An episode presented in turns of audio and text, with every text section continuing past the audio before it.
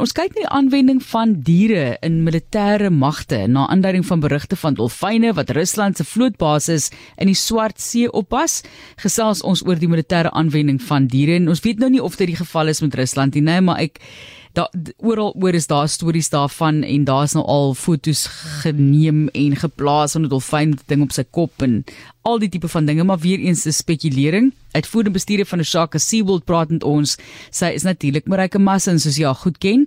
En Marike eerstens het jou gevoel hieroor ek ek is baie ongemaklik met die gedagte dat 'n dier so gebruik word. Honde byvoorbeeld word sekerlik ook gebruik maar ja jy weet tot tot voordeel hopelik ehm um, jy weet wie's reg, wie's verkeerd, maar wat is jou gevoel oor die gebruik van diere vir militêre operasies? Ja, Marlies, goeiemiddag. Ehm um, dit, dit is 'n baie moeilike vraag. So ek kan vir my persoonlike opinie, opinie gee, maar 'n meer geïnformeerde opinie is ook belangriker vir al die luisteraars. En ek dink ons moet realisties wees as ons dink aan aan diere want dit is nie net in 'n militêre konteks nie. Jy weet ons as ons dink aan wat 'n ongelooflike diens verskillende diere lewe aan ons as mense en jy weet van um, onder wat mense begelei tot in die, in die polisie waar dit gebruik word. So dit is skrikkelik baie aspekte van diere se rol in die menslike lewens. Maar as ek nou dink aan die militêr, is dit eintlik baie interessant hoeveel verskillende diere spesies wel gebruik word vir die funksies in die weermag. En ons weet natuurlik van honde en hulle word gebruik vir baie spesifieke take soos opsporing, die deteksie van ehm um, dwelm, springstowwe, chemikalieë, baie soek en reddingswerk.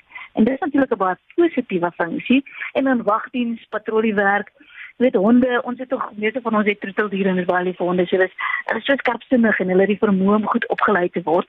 So hulle kan baie waardevol wees vir vir 'n hele reeks weet van take, nie net in die militêr nie, maar as ons ook net dink, weet perde en kamele word gebruik vir vervoer. So in spesifieke areas ehm um, help dit die soldate om toerusting en voorrade vervoer waar waar byvoorbeeld verskillende trokke en goed nie kan kan beweeg nie. En dan 'n interessante diertjie vir my is duwe. So ons weet natuurlik weet van die posduwe wat boodskappe stuur, maar in die militêre eenhede is dit baie gebruik vir kritiese kommunikasie um, as boodskapvoëls. En hulle is ook gebruik om objekte en selfs mense ter see raak te sien en dan reddingsspanne soontoe te lei. So weer eens 'n baie positiewe funksie. En ietsie wat ek opgeweet het wat ek nie van tevore geweet het nie is bye. So bye word opgelei ook om chemikalieë en springstowwe op te spoor want hulle het so baie goeie um, reuk sintuig. En ehm um, met met met met met positiewe ons moet positive reinforcement en gewoonlik kan jy vir hulle jy weet ekstra kos of iets ekstra soet gee leer hulle eintlik baie vinnig. En dan vermyse is ook al gebruik. Maar nou vermyse is gebruik om destruktiewe toestelle te laat val op toerusting om dit te vernietig.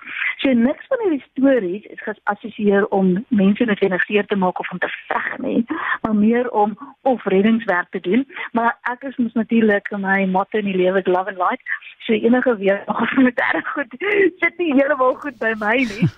maar ehm um, tog tog word diere weet baie gebruik en, en baie eintlik um, goed opgepas want daar's vreeslike streng welsynsreëls in enige area waar diere gebruik word want Suid-Afrika en alle ander lande het legislasie wat seker maak dat die diere goed opgepas word. So um, as jy nou spring na wat wat jy weet die spekulasie in Rusland is um, natuurlik dat hulle het 'n paar dolfyne en dit word gesê daar's sewe dolfyne wat aangehou word, maar spesifiek naby die vlootbasis om hierdie basis te um, sê Vatsepol wat in die Swart See is op te pas. En die hoofdoel is regtig dat die dolfyne gaan rondswem en kyk en soek vir duikers of swemmers wat te naby aan die vlootbasis kom en dan gaan hulle terug na na hulle opleiers toe of na jy nou die, die personeel en wat weet hulle daar's moontlik uh met 'n gevaar van swemmers of duikers want dolfyne kan mos nou baie vinniger swem as 'n mens. En hulle het hierdie natuurlike sonar So hulle is eintlik nogal ideaal om um, onder water sekuriteit te te dien aan aan die vloot.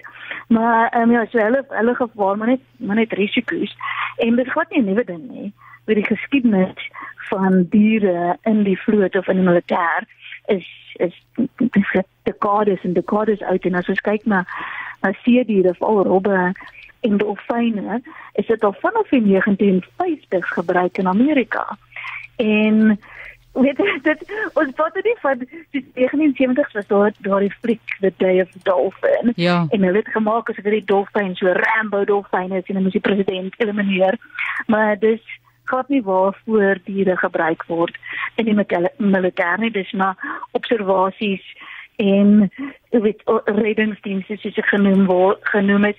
En dan wat interessant is maar please die ehm um, militêre diens het baie groter begroting, so baie meer geld as byvoorbeeld ehm um, bewaringsorganisasies of oseanariums. So hulle doen verskriklik baie navorsing oor hierdie diere en kom ons sien dan van dolfyne byvoorbeeld oor hulle welstand, hulle gesondheid, hulle weet uh, enigiets wat jy kan dink aan aan dolfyne wat kan bydra tot goeie werk in bewaringsveld.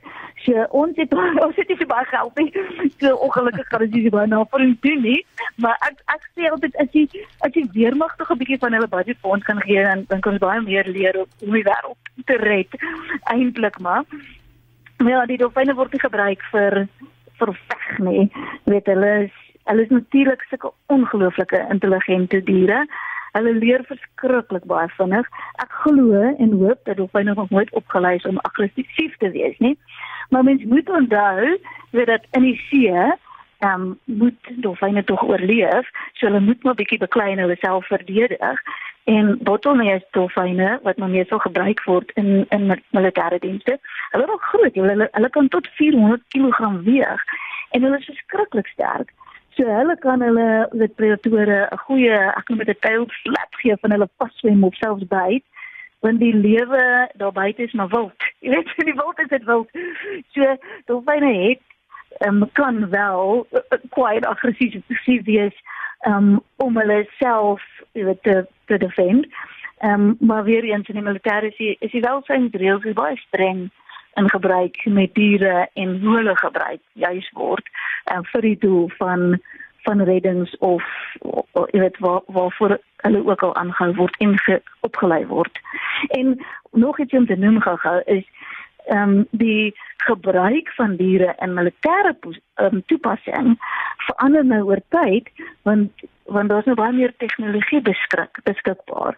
So hulle sê nog steeds jy weet 'n dolfyn se observasie vermoë is baie beter as nou deesdae drone kameras wat bo water en onder water kan beweeg.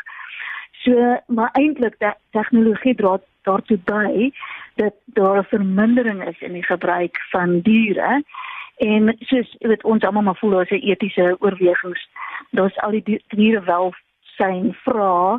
Ehm um, so daar word gesoek na alternatiewe metodes en tegnologie juis vir militêre doeleindes.